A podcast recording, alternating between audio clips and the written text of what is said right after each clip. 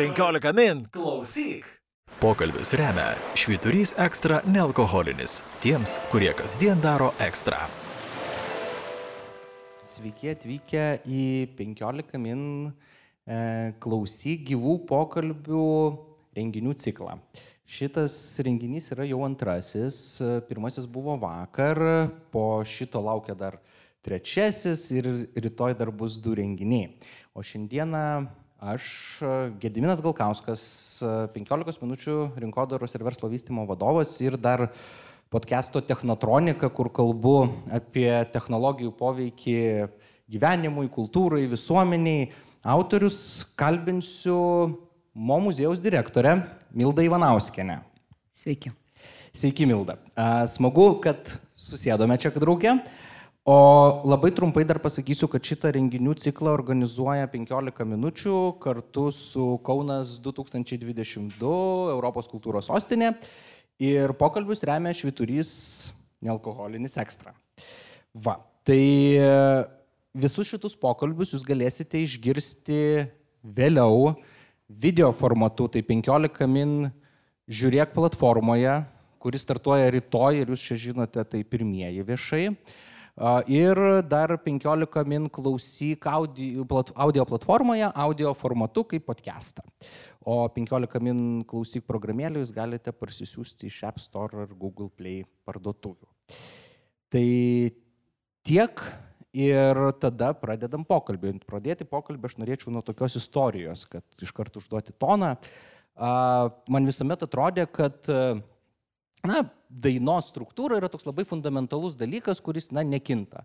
Yra intro, yra uh, pradainavimas, yra jau priedainis ir taip toliau, bet tada atsirado Spotify'us ir žmonės, kurie turi daugiau žinių šitoje srityje ir geresnę klausą negu aš, tai uh, sako, kad dainos pradėjo keistis dėka Spotify. E, toks žymus produceris muzikos kaip Mark Ronson pasakė, kad dabar ideali daina neturėtų būti ilgesnė negu 3 minutės 15 sekundžių. O taip yra todėl, kad žmonės šiais laikais nebeturi kantrybės ir jie, na, ilgesnių dainų nedaklauso iki pabaigos. Ir ką tai reiškia muzikantams, tai reiškia, kad jų tada na, dainos reitingas blogėja. Ir tada jie ten algoritmę nusistumė žemiau, nepatenka į atitinkamus grojaraščius, kurie skatina dienos perklausimą ir atitinkamai gauna mažiau pajamų. Tai čia viena, o antra, antras efektas dėl to, kad kai tu jau trumpini dainą, kažką tai turi nutrumpinti. Ir kadangi vėlgi žmonės ir tos na, dėmesio stoka, tai mm, kaip, kaip sudominti iš karto žmogų, tai anksčiau būdavo, na, pragroja intro ten pusę minutės, tada pradeda dainuoti, o dabar daina prasideda iš karto nuo priedainio, kas yra labai neįprasta. Va, tai toks efektas technologijos e, meno ir kultūro, nu, meno formai, dainavimui. Tai mano pirmas klausimas yra, kokie apskritai, kokius apskritai technologijų efektus jūs pastebite na, mene? Matyt, kad visi pastebim, tai nuo teatro spektaklių, kuriuose dabar vargiai ar kažkas apseina be kamerų, projekcijų ir taip toliau. Ir paroda, matyt, dabar vien tik tapybos paroda jau nebeįsivaizduojama yra visada ir ekranuose video meno kūriniai, būtinai performansai dažnai gali vykti ir taip toliau. Tai faktas, kad technologijos įsiveržė ir tai galima, na, dabar kalbėti apie iš įvairių pusių. Tai pavyzdžiui, e, galiu pradėti papasakodama apie šiuo metu vykstančią parodą Mo muziejuje - gyvūnas, žmogus, robotas. Ir viena iš, vienas iš skyrių yra skirtas uh, futuristiniai ateičiai, kuri iš tiesų ir klausia, ar ta futuristinė ateitis dar tik yra ateitis, ar jau ir dabar daug tų ateities prognozių jau įsigyvendina ir vyksta. Ir yra dvi menininkės įdomios, e, nelietuvės, pakalbėsiu apie tarptautinius pavyzdžius, Katja Novickova Estė ir Hito Štail Vokietė. Ir e, šiaip taip grubiai klasifikuojant, galima sakyti, kad me, mene buvo tokie internetinis menas, tai yra apie 2000 metus, kada visi menininkai pagavę technologijų e, bangą kūrė visokius meno kūrinius būtent internete, apie internetą ir ten būdami. E, po 2000, 2010 metų mes taip žymim postinternetinio meno epochą, kada jau analizuojamas poveikis technologijų mums ir iš to gimsta meno kūriniai. Tai vad Katė Novickova būtent apie tai kalba nemažoje dalyje savo kūrinių, įskaitant ir tą, e, kuris eksponuojamas mo. Ir ji kalba apie tai, kad dalį informacijos iš tiesų mums žmonėms surenka technologijos. Pavyzdžiui, Marse renkantis informaciją robotukas arba mikroskopai, e, nagrinėjantis lastelės. Ir mes jau gaunam iš tiesų antrinę informaciją, tai yra e, technologijų apdorota ir nebeprieinam, net, net neturim gebos prieiti prie to pirminio šaltinio. Tai, tai yra, pavyzdžiui, jos kūrybos ir analizės laukas. Tuo tarpu Hito Štarl vokietė, jinai japonų vokiečių kilmės menininkė, 2017 metais pripažinta įtakingiausia pasaulio menininkė, dirba su vaizdais internete, su vaizdų tiesiog e, lavinomis, kurios mūsų užpuola ir e, pati teigia, kad mes gyvenam iš tiesų pusiau virtualiam, pusiau realiam pasauliu, nebėra tos skirties. Ir jos kūrinys, kuris yra rodomas, vadinasi Takumo korporacija ir kalba apie tą takumą, kurio reikia visur ir jos tie kūriniai yra gimę iš e, jau esančių vaizdų, miksuojami, perkūriami ir taip toliau. Tai e, technologijos gali būti ir įrankis sukurti meno kūriniui, gali tapti pačiu meno kūriniu arba gali būti objektas, kurį meno kūriniai analizuoja. Tai visą tai galima tikrai matyti. Nežinau, ar dar galima plėstis, bet pavyzdžiui, mes e, anal, turime kitą parodą, e, kuri vadinasi Bendrabuvis. Ir čia pasikvietę esame Vokietijos Bauhauso universitetą, kuriame dirba menininkai ir mokslininkai. Ir e, mokslininkai iš tiesų tyrinėja, pavyzdžiui, vaisnės muselės, jų smegenų veikimą, taip toliau, bet menininkai visą tai į šitos duomenis ir tyrimus ima ir verčia į meno kūrinius, tuos eksperimentus. Ir šiuo metu va, ten galima dainuoti su muselėm karaoke ir taip toliau, bet visa tai prezentuojama ne tik kaip laboratorija, bet ir tam tikras vizualinis, e, estetinis kūrinys. Technologijos, mokslas, menas, tas tarpdiscipliniškumas, aš manau, yra absoliučiai šiandiena ir viskas labai stipriai pinasi. Tai iš principo dabartiniai praktiškai laboratorijų darbuotojai gali laikyti savi ir menininkais tam tikrą prasme, galėtų Arba meno muziejaus darbuotojai, staiga mes tampam laborantais ir suprantam, kaip mums blogai sekasi, nes viena muselių vada išgaišo, grybai kažkodėl neauga ir taip toliau, mokslininkai išvažiavo, mums paliko laboratoriją. Na, čia pusiau juokais, bet... Bet iš tiesų, net nejaukai, ko gero galvoju, nes e, tie laboratorijų darbuotojai, pavyzdžiui, e, tiek žurnalas Wired kartais e, spausdina nuotraukas iš laboratorijų ir, na, tai pateikia tas nuotraukas kaip meno kūrinius, ten, tarkim, lastelė, sandara ir, ir panašiai.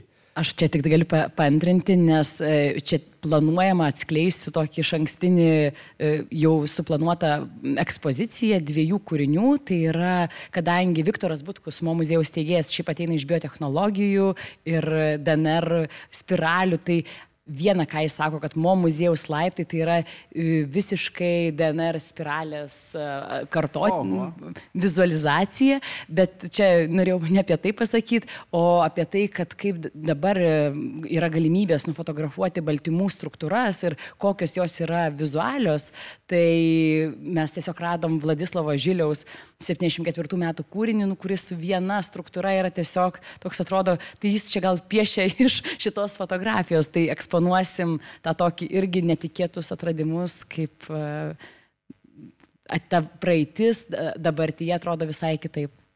Aha, tai technologijos iš principo netgi atveria tokį pasaulį, kuris na, anksčiau tikrai būdavo toks na, net neprieinamas ir sunkiai įsivaizduojamas.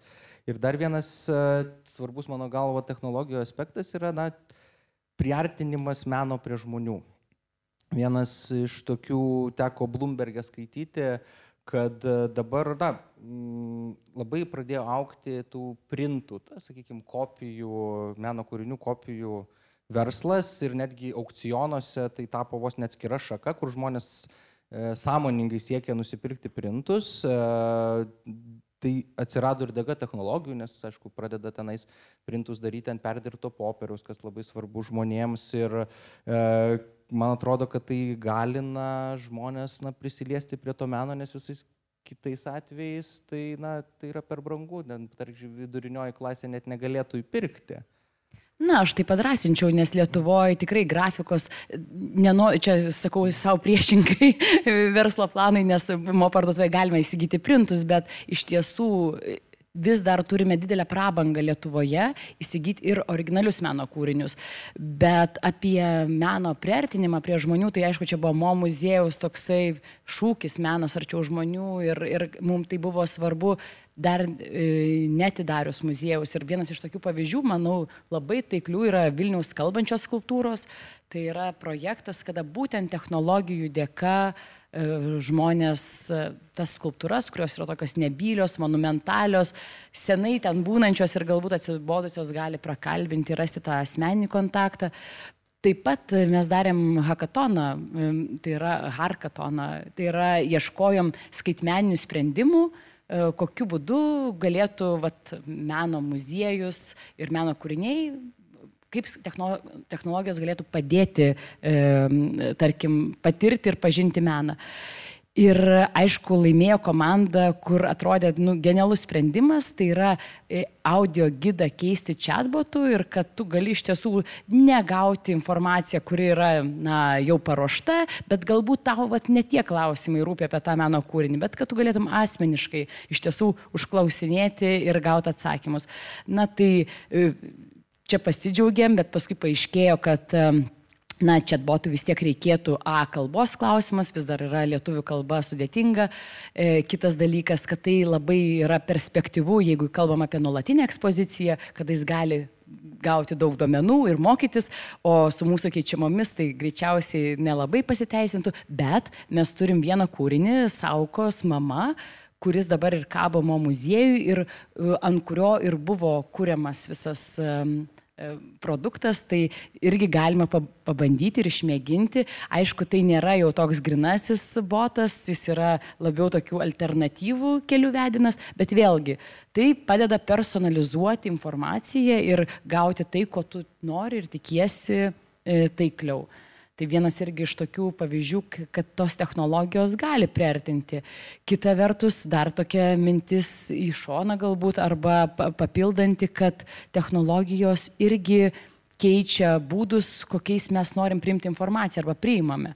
Ir vat, matom, kad žmonės tikrai linkę prisėsti prie video formatų ir pasižiūrėti Viktoro Butkaus toks projektas, kada jis susituria su menininku ir filmuoja visą meno kūrinio sukūrimo procesą nuo pirmo potepio iki galutinio pabaigimo kas paskui virsta į šešių minučių filmuką ir greta kabo tas originalas. Tai vėlgi yra galimybės e, pažinti tą kontekstą, rasti tiesiog susidomėti ir pamatyti tą užkulisi, kuris iškart jau kūrė galbūt kitą santykį su tuo pačiu meno kūriniu.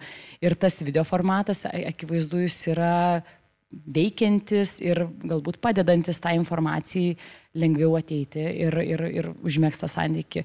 Lygiai taip pat kaip ir um, mes filmuojame menininkus, kurie pasakoja apie savo kūrybą ar dar kažką, tai, tai va tokie visi, e, čia jau ne tos aukštosios technologijos tiesiog labai paprasti būdai, bet kurie veikia.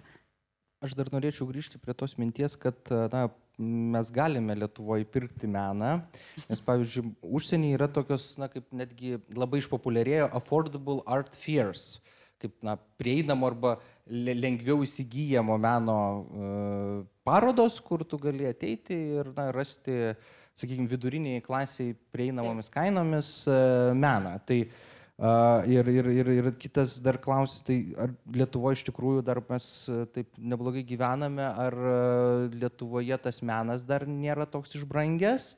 Čia vienas klausimas, po to aš turėsiu dar Čia toks jau į meno rinką, nuo technologijų pakrypam.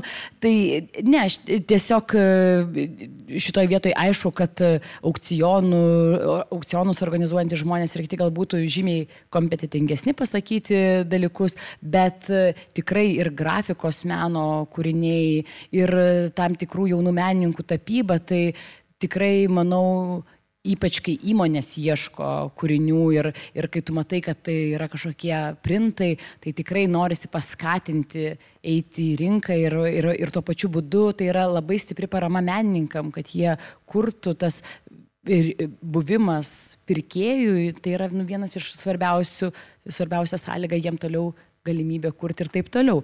Kita vertus, kalbant apie printus, tai čia prisiminiau tokią vieną e, gerą istoriją iš Marko Rotko centro. Jie nesitikėjo daug pilyje Latvijoje, jie nesitikėjo, kad pavyks turėti originalą. Ir tik e, su šeima užmesgus ryšį ir parodžius visas galimybės, ten yra originalai, bet jie buvo radę tiesiog gerą spaustuvė, kuri tiesiog atspausdino originalaus dydžio printą, ne originalą. Ir šeimai pamačius, kaip tai atrodo, jie pareikalavo, kad būtų dėlėm raidėm užrašyta, kad čia yra kopija, nes tai atrodė perdėm tikra ir autentiška. Tai tam tikrą prasme tikrai ta kokybė printo jinai gali labai stipriai džiuginti ir mes matom, pavyzdžiui, mo parduotuvėje, tai tikrai printai yra mėgiami, perkami ir aš netgi kažkur skaičiau, kad vienas iš autentiškesnių santykių muziejai įvyksta parduotuviai, nes kai reikia tau išsirinkti savo vat, kūrinį ar magnetuką ar printą, tai tada ta emocija iškart e, yra labai asmeninė ir... Aš tai labai pantrinti noriu, nes e, aš visą laiką iki šiol e, užsienio, užsienyje lankydamasis muziejuje varvindavau seilę, nes uh, taip gal labai nedvasingai pasirodys, bet e, po muziejaus ir po parodų salių viena iš tokių laukiamiausių dalių būdavo, kad muziejaus parduotuvė. A, nes ten iš tikrųjų vienas dalykas jo printai, kitas dalykas ten atrandi tokių na, kūrinių, sakykime, ar na, bent jau idėjų, a, kur na, kitur nematai ir, ir mes dažnai netgi lauktuvės namiškiams vežame iš tų muziejų, nes ten rasi kažko tai, na, nekičinio. Ir man labai smagu, kad galų gale, na, čia toks jau pagirimas e, mo muziejui, nes iki šiol, man atrodo, kad tai yra labai neišnaudota dalis Lietuvoje, bent jau Lietuvos muziejuose, nes dažniausiai, na, jeigu ir būna parduotuvės, tai muziejaus, tai jos būna arba knygos, fotoalbumai, Ir gintaras, ko gero, a, tai, tai pas jūs yra parduotuvė ir, kaip suprantu, jinai, na, jūs galvojate ją plėtoti, ar kaip žiūrite jūs į savo tą, šitą komercinę dalį kaip meno pratesimą gal?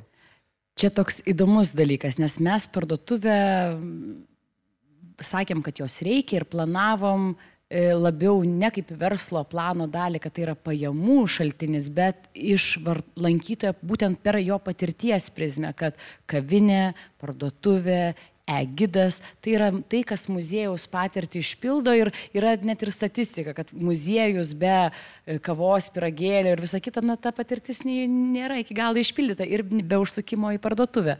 Tai mūsų parduotuvėje kita vertus yra irgi tokie e, pasaulyje standartai, kad, na, pradžioj prasidėjo mo, tai yra mo, muziejų šopai su tuo, kad tu tiesiog perki didelį kiekį kiniškų prekių, užbrandini, na ir tai yra kaip ir parduotuvės va, sortimentas.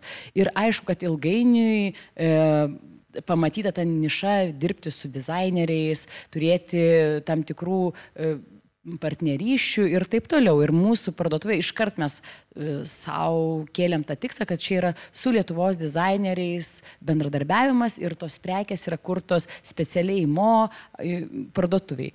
Tai tam tikrą prasme tai aišku iš karto kelia jau kaip verslui tai visai kitą pluoštą problemų, kad tai yra žinoma, kad maži kiekiai, aukštos savikainos ir tada jinai tampa brangi ir visa kita, tai čia tokia jau kita visa pusė virtuvės, bet ta pati parduotuvės, jos buvimas muziejuje, aš manau, kad tai tikrai yra labai svarbi dalis ir mes tenksimės ją palaikyti ir vystyti kiek įmanoma. Dažniausiai technologijos atpigina tas medžiagas ir po to tos gamybos procesus ilgainiui. Bet ką aš dabar va, klausiau, man tai labai patinka, kad tu iš principo gali apsipirkti, kad tu gali išgerti kavos, pasidėti ir galų gale, na, e, tai yra dalis, man atrodo, patirties muziejuje, kai tu net nebėgi išdegęs akių iš to muziejaus, nes, nu, pavyzdžiui, su, Galvoju, kad nori gerti, bet neturi kur. Ar galų gale gali ramiai atsisėsti ir apmastyti tai, bet žinau tikrai, kad yra žmonių Lietuvoje, kurie sako, kad, a, čia nais nu, nu, nusipopsinimas yra. Nu, toksai, va, toksai tas, sakykime, meno demokratizavimas, priartinimas prie žmonių, na, jisai kažkaip tai, na, tą meną nuleidžia, na, iš, iš kažkokio tai mistinių aukštumų. A, tai klausimas, Ką Jūs apie tai manote ir ką tokiem žmonėm pasakyti? Tam tikrą prasme, e, faktas, kad nuleidžia, nes e, yra, gali laikytis pozicijos, kad kiekvienas priedėliukas kabantis informacinė lentelė prie kūrinio ir taip toliau, na, jinai vizualiai teršia erdvę ir, ir gadina kūrinio galimybę jį pamatyti be jokių e, kitų ten elementų ir kad kūriniai patys kalba ir kam čia dar kištis ir su savo e, kažkokiais e, visada supaprastinsi, neperdosi tiek giliai, kiek pats kūrinys perdotų. Ir tame yra tiesos. Bet tas demokratizavimas institucijai, jis sukuria, aišku, kad žymiai e, didesnį iššūkį galvot apie auditorijas, kurios eis, apie jų skirtingus išsilavinimo lygius, kad ekonomistas, nu, greičiausiai neturės laiko pasidomėti tiek giliai, nes ateis kažkada su šeima ir taip toliau. Ar e, ir tas prieinamumas, jis gali būti įvairi, įvairi, įvairiais pjūviais žiūrimas, tiek fizinis prieinamumas, ekonominis, e, intelektinis ir taip toliau. Tai muziejus galvodamas apie e, išplėtimą ir kad kuo platesnė auditorija galėtų džiaugtis, tai žinoma, kad tai yra tam tikras iššūkis pateikti skirtingom priemonėm, būdais ir visa kita. Tuo pačiu, va šiandien forume matyt buvo ne vieną ir ne du kartus kartoti tyrimai, kaip kultūra, buvimas muziejuose e, kelia žmonių ir kūrybiškumą, ir atveria akiračius, praplečia galimybės suvokti, priimti dalykus pasaulyje, bet tuo pačiu, ką mes savo sakom, kad e, sužinojimas, e, priartinimas, e, lietu, ypač lietuvių, lietuvių autorių, žinojimas apie juos, pažinojimas savo kultūros, tuo pačiu didina mūsų ir kultūros vertinimą, jos vertę mūsų akise ir tuo pačiu pačių savivertę. Tai yra absoliučiai toksai procesas labai ilgalaikis, tai yra mūsų kaip žmonių savęs refleksija ir pagarba savo menininkams, savo kultūrai ir tuo pačiu savo patiems. Tai man atrodo, kad šitoj vietoj mes neturim jokių žodžiu, išlygų, kad menas ir muziejus iš tiesų turi būti prieinamas. Mūsų misija. Man labai patiko Pierre Luigi sako šiandien išsakyta mintis, kad žinoma institucija turi atsižvelgti tai, kam jinai veikia. Ir jeigu tai yra tyrimų centras ir daro tyrimus arba meno muziejus, kuris yra labai dirbantis su avangardiniais menininkais. To irgi reikia, bet pavyzdžiui, mūsų misija ir niša pamatyta, kad e, platesnė auditorija, platesnė žmonių ratas atrastų kultūrą, atrastų meno muziejų kaip laisvalaikio formą ir pasirinktų čia ateiti, ypač Lietuvoje, kada tiek daug yra lietingų, šaltų ir tamsių dienų. Ir Čia labai teisinga pastaba. Ir dar vienas dalykas, kas man atrodo labai svarbu ir ko vėlgi, užsienį matydavau ir iki jūsų, ko, nemat, ko Lietuvoje pasigesdavau, yra na, vaikų santykis su menu. Tarkim, ateini į Momą arba į Metą, ar nežinau, į Amsterdamę, į Van Gogo muziejų ir tu visą laiką matai, na, vaikus mokytojus sėdinčius tiesiog va taip demokratiškai ant žemės, kurie sėdi prieš paveikslą kokį, na ir jie diskutuoja. Aš dažniausiai nesuprantu, kokia olandų kalba sunkiai supranti, ką jie ten diskutuoja, bet esu porą kartų pastovėjęs uh, uh, už anglakalbių nugaros, tai man labai įdomu, kaip, kaip jie analizuoja. Ir kalbant, visgi grįžtant prie tos dar mūsų temos, kad technologijos, uh, mes kalbame, kad na, dėl technologijų, 20 metų mes neįsivaizduojame, na, kokios profesijų, kai kurių profesijų tiesiog nebeliks. Sakoma, kad na, dabar kartais tai, ką mes mokome vaikus, mes juos mokome bergžiai, nes dalies tų įgūdžių ir žinių, jos tiesiog bus na, nereikalingos po 20 metų ir sako, kad reikia augdyti tą, na, fosį, ta 4C, kas collaboration bendradarbiavimas, critical thinking, kritinis mąstymas, communication komunikacija ir creativity, kūrybiškumas. Ir kaip būtent vaikų, na, gal vaikų supažindinimas su menu, vaik, meno priartinimas prie vaikų gali pradėti tos 4C spręsti. Tai tiesą sakant, visa edukacijos linija buvo viena iš tų sričių, kurią mes e, jau nuo seno vystom, bet būtent kai leisdami leidinius ir taip toliau, keliaujantis muziejus, bet jau ruošiantis atidaryti muziejų, labai svarstėm, tai kokios tos edukacijos būtų aktualios ir apie ką jos turėtų būti. Nes e, reikia pripažinti, kad mūsų erdvės buvo ribotos gan ir tada toks tikrai buvo labai ilgos diskusijos, o kas būtų vertinga.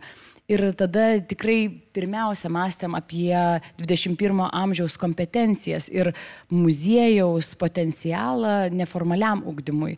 Ir labai nesinorėjo uh, užsidaryti tokiam naratyvė, kad tai yra dailės mokytojos kažkokia prerogatyva atsivesti vaikus, bet kad meno muziejus iš tiesų gali būti labai daugeliu dalykų puikia platforma ir vieta e, tom kompetencijom būtent 21 amžiui reikalingams ugdyti. Tai ir čia pradėjom tas tris kryptis edukacijos, tai viena yra integruotos pamokos šiuo metu parodos gyvūnas žmogus robotas kontekste integravom, pažiūrėjau, biologijos pamoką, kad biologija gali vykti muziejuje. Ir tai yra, bet kalbant apie kūrybiškumą arba e, kritinį mąstymą, labai svarbu iškelti dalyką iš mokyklos ribų, nes dažnai tas atsiranda, kai esi mokykloje, va čia tas skyrius, čia išmokau, čia praėjom, nepraėjom ir viskas labai formalizuojasi. Bet muziejui tai išsiplėšia į tokį platesnį kontekstą ir tas dalykas pamatytas visai kitur, kitaip, palieka kitą visai efektą vaikam. Tai turėjom labai sėkmingos programos yra literatūra, tai yra ieškojimas subjekto meno kūrinyje, lyginimas su literatūros kūriniais, taip pat dabar šitoj parodoje yra integruota literatūra per mitų temą. Tai yra vat, visa tai, ką tu mokaisi mokykloje, bet iš karto jungi. Tas tarpdiscipliniškumas jis yra visur svarbus ir jungimas dalykų, integravimas, manau, tikrai pasiteisino ir matom, kaip vaikai iš tiesų reaguoja tas pamokas. Tai čia buvo tokia viena kryptis. Kita yra vizualinis mąstymas. Tai čia ypač į tas kompetencijas taikanti kryptis, e, išrasta Harvardo ir Momos edukatorių ir Harvardo psichologų, kada sakoma, kad e, tu tiesiog pasitikėk savim ir tuo, ką matai. Ir visas metodas yra grįstas e, analizai to, ką aš matau kūrinyje ir gebėjimo artikuliuoti. Ir kas yra labai įdomu, kad e, ta, pa, tą patį kūrinį, grupelę, jame mato labai skirtingus dalykus ir tai irgi padeda e, priimti kito nuomonę. E, tai yra kelias diskusijai, nes meno kūrinys, na, vis dėlto tai nėra vat, ekonomika arba prezidento rinkimai, kur iš karto tos nuomonės susikerta ir, ir yra sunkiau e, tiesiog turėtos erdvės diskusijai ir vystyti tam savo gebėjimui diskutuoti, klausyti, keistis požiūriais. Ir ta trečia kryptis yra e, emocinis intelektas, kas mums irgi pasirodė be galo svarbu. Tai pradinukai ir iki mokyklinukai tai iš vis kalba apie jausmų pažinimą ir meno kūriniai iš tiesų yra puikia priemonė kalbėti apie tai, kokius joje jausmus komunikuoja vienam tokį, kitam tokį, o jau vyresniesiems mes dirbam per ginčių, konfliktų sprendimą, patyčių tema, kuri gali išlysti kiekvienoje grupėje čia skirtingai, bet gal, galvodami apie šią kryptį, tai ypač galvojam apie, pavyzdžiui, klasių valandėlę su auklėtojais, kad jie, jos galėtų vykti visai vat, e, tendencingai e, muziejui, kada klasė išeina iš savo aplinkos ir susidaro tą tam tikrą terpę kalbėti e, rimtesniem temom. Super. Labai džiaugiuosi, kad tai vyksta. Aš irgi. ja. uh, man kaip rinkodaro žmogui e, visų pirma e, dar labai įdomi ta rinkodaros tema šio laikiniam mene ir, ir vėlgi technologinis aspektas tame. Ir gal pirmą kartą čia prieš kokius penkis metus man šitas klausimas iškilo e, Londone, nuėjus į gatvės meno turą. Tokia labai netikėta buvo, bet man kas pasirodė, vat, kaip, kaip pakeičia tą apskritai gatvės meno industriją, jeigu taip galima sakyti. Tai anksčiau nu, tas, tas menas grafiti yra efemeriškas, ne? Nu, tu ateini užpaišai sieną, tada kažkiek ten pabūna, ateina kažkas kitas ir užpaišo tą sieną taip pat, nes nu, sienos tiesiog vat, bendra nusavybė ir tu nepretenduoji, bet kas nutiko, kai atsirado Instagramas, uh, na, tie menininkai pradėjo fotografuoti savo tos da, e, darbus, pradėjo kelti Instagramą ir jie ten jau gyvena amžinai, o jiems tai yra svarbu todėl, kad dalis tų menininkų, kurie priečia grafičius, tai ne mūsų Solomonas ten, kur bėgioja, bet tie, kurie rimtus e, piešia grafičius, jie turi na, meno galeriją savo ir daro, na, iš tikrųjų rimtą meną ir tą grafitį jie naudoja, na, grinai rinkodaros tikslais. Ir jiems, sako, galų gale va, atsirado, atsiradus Instagramui, sako, ta rinkodara, jinai tapo staiga, nu, tokia jau, na, ilgiau išliekanti, nereikia kiekvieną kartą bėgioti ir pripiešinėti tenais tų sienų. Tai man labai įdomu, kad, na, pasidalintumėte, kaip atrodo meno rinkodara su technologijomis, nes man atrodo, jūs puikiai tai išmanote? Čia tik tai dar visai norėčiau pareferuoti, nes mes per muziejaus atidarimo festivalį turėjom diskusiją apie Instagramą ir kvietėm menininkus pasisakyti. Pavyzdžiui, Karolis Trautnieka, kuris e, lygiai taip pat pripažino, kad Instagramo buvimas yra puikus kanalas žmonėm pamatyti kūrinius ir netgi neapsiribot rinką Lietuvos siaurą, bet išeiti į platesnius vandenis. Ir aišku, buvo diskusijos, ar tai irgi yra gerai tikriem meno kūriniam atsidurti prie bet kokių e, fotografuotų vaizdelių ir šaltibarščių ir ar čia viskas tvarkoja, bet faktas, kad tai veikia. Ir mo muziejaus atveju, tai čia dar vienas tokia, vad grįžo mintis apie artinimą prie žmonių, tai socialinės medijos yra tikrai puikus uh, būdas artinti, nes e, kiek skaičiau vieną statistinį dokumentą, kad mūsų regionai iš tiesų vartoja Facebooką ir daugelis turinio gali pasiekti per Facebooką gan efektyviai.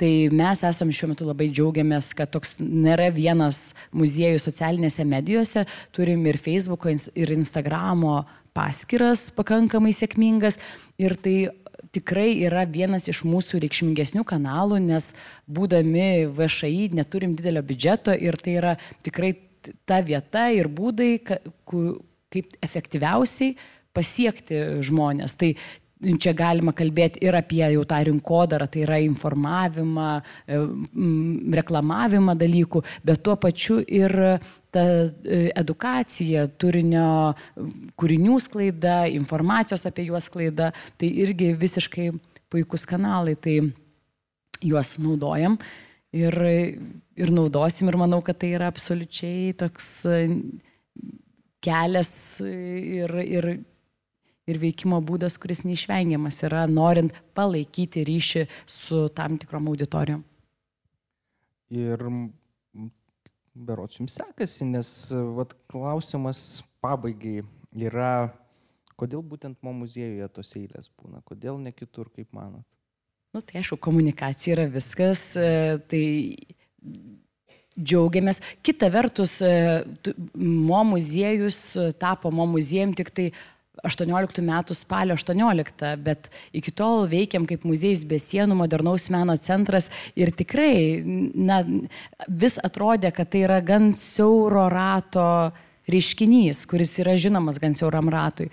Tai matyt daug visokių elementų susidėjo. Tai ir, ir reklaminė kampanija, ir mm, Lietuvos kino teatras virstantis e, meno muziejumi, ir Libeskindo pavardė, ir viso to transliavimas.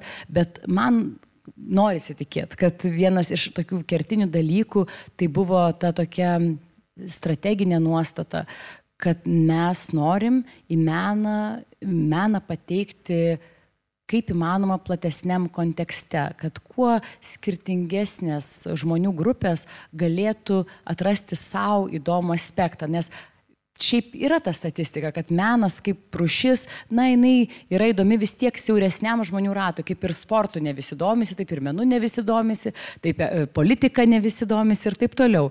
Bet jeigu meną mes e, į, randam taškų, kurie gali būti įdomus skirtingų išsilavinimų arba skirtingų interesų žmonėm, kad pavyzdžiui, gyvūna, paroda gyvūnas žmogus robotas. Taip, tai yra meno paroda, bet tuo pačiu jinai analizuoja aktualius reiškinius, aktualias temas labai skirtingų skirtingose temose, tai ir gyvybės mokslai, ir technologijos tos pačios.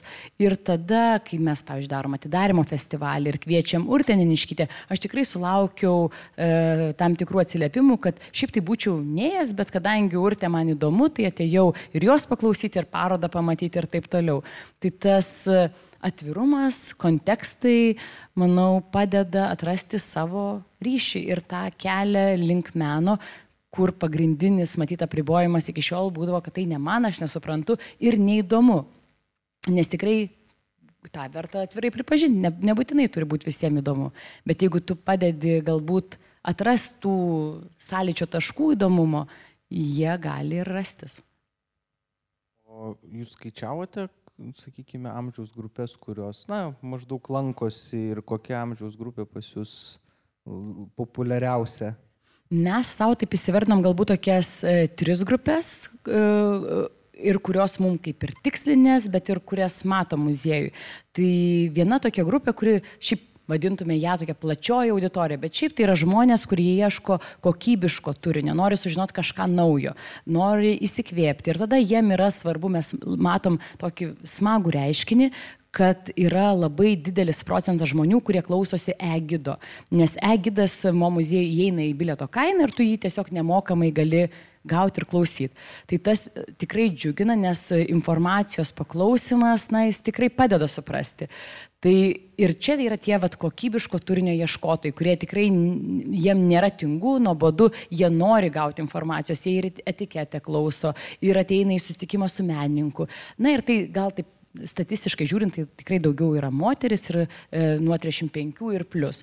Yra tokia kita auditorija kaip tendencijų sėkėjai. Tai mes jos irgi pastebime mo muziejui, nes jis susikūrė nuo tos galbūt savo estetinių visų parametrų, kad ir tie laiptai gražus, ir tas prekės ženklas galbūt apeliuoja. Tai yra tokia jaunesnė auditorija, kuri tikrai e, galbūt mes su ją labiau turim ryšį socialiniuose tinkluose. Bet ji yra svarbi, nes jie tada tikrai ir, ir dalinasi, ir fotografuoja, ir, bet jiem galbūt yra kitas turinys įdomesnis, ne, neklausyti egido, bet koncertas mo ar dar kažkas, tokie kiti elementai.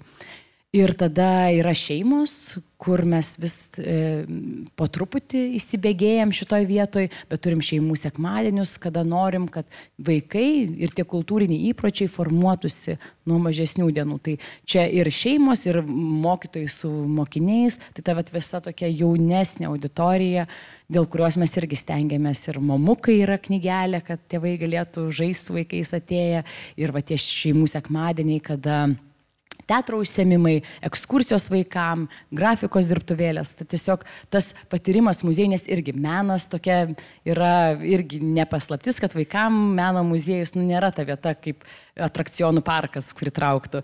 Ir tada nu, tiesiog reikia pasistengti, kad ir jiem kažkas ten būtų tokio malonaus, kad ta patirtis liktų gera ir norėtųsi sugrįžti. Ir pabaigai labai trumpas klausimas. Ką kiti muziejai, aš suprantu, kad konkurentai, bet gal jeigu meno mylėtojų bus daugiau, e, laimėsime visi. Ką kiti turėtų padaryti muziejai, kad na, jie irgi pritrauktų daugiau žmonių? Tiesą sakant, tai aš matau, kad e, labai bent jau Vilniui tikrai sukrutę muziejai yra ir aš mačiau tokių formatų, kurie labai ir panašus, kad ir susitikti, prisiminti autorius, susitikti su jais ir taip toliau. Tai tikrai poslinkiai yra ir šitoj vietoj manau tikrai, kad kuo kultūros mėgėjų ir žmonių norinčių eiti muziejus ratas auktų, tai tuo yra visiems geriau, nes uh, to laiko aplankyti visas parodas arba grįžti jas. Pavyzdžiui, mūsų atveju tai paroda veikia pakankamai ilgai ir mes šioje vietoje norim, kad kuo platesnis ratas spėtų ateiti, bet e, ta pasiūla kitų muziejų yra tikrai sveikintina ir aš matau, kad tikrai tie poslinkiai yra ir visi, ir atsiranda ir, ir daiktų parduotuvėlėse, ir, ir tų formatų, kurie įdomesnių ekskursijų, kur, kurios... Social media jie daro? Nu, irgi po truputį vyksta dalykai tikrai. Ačiū labai, buvo labai įdomu. Ačiū Jums.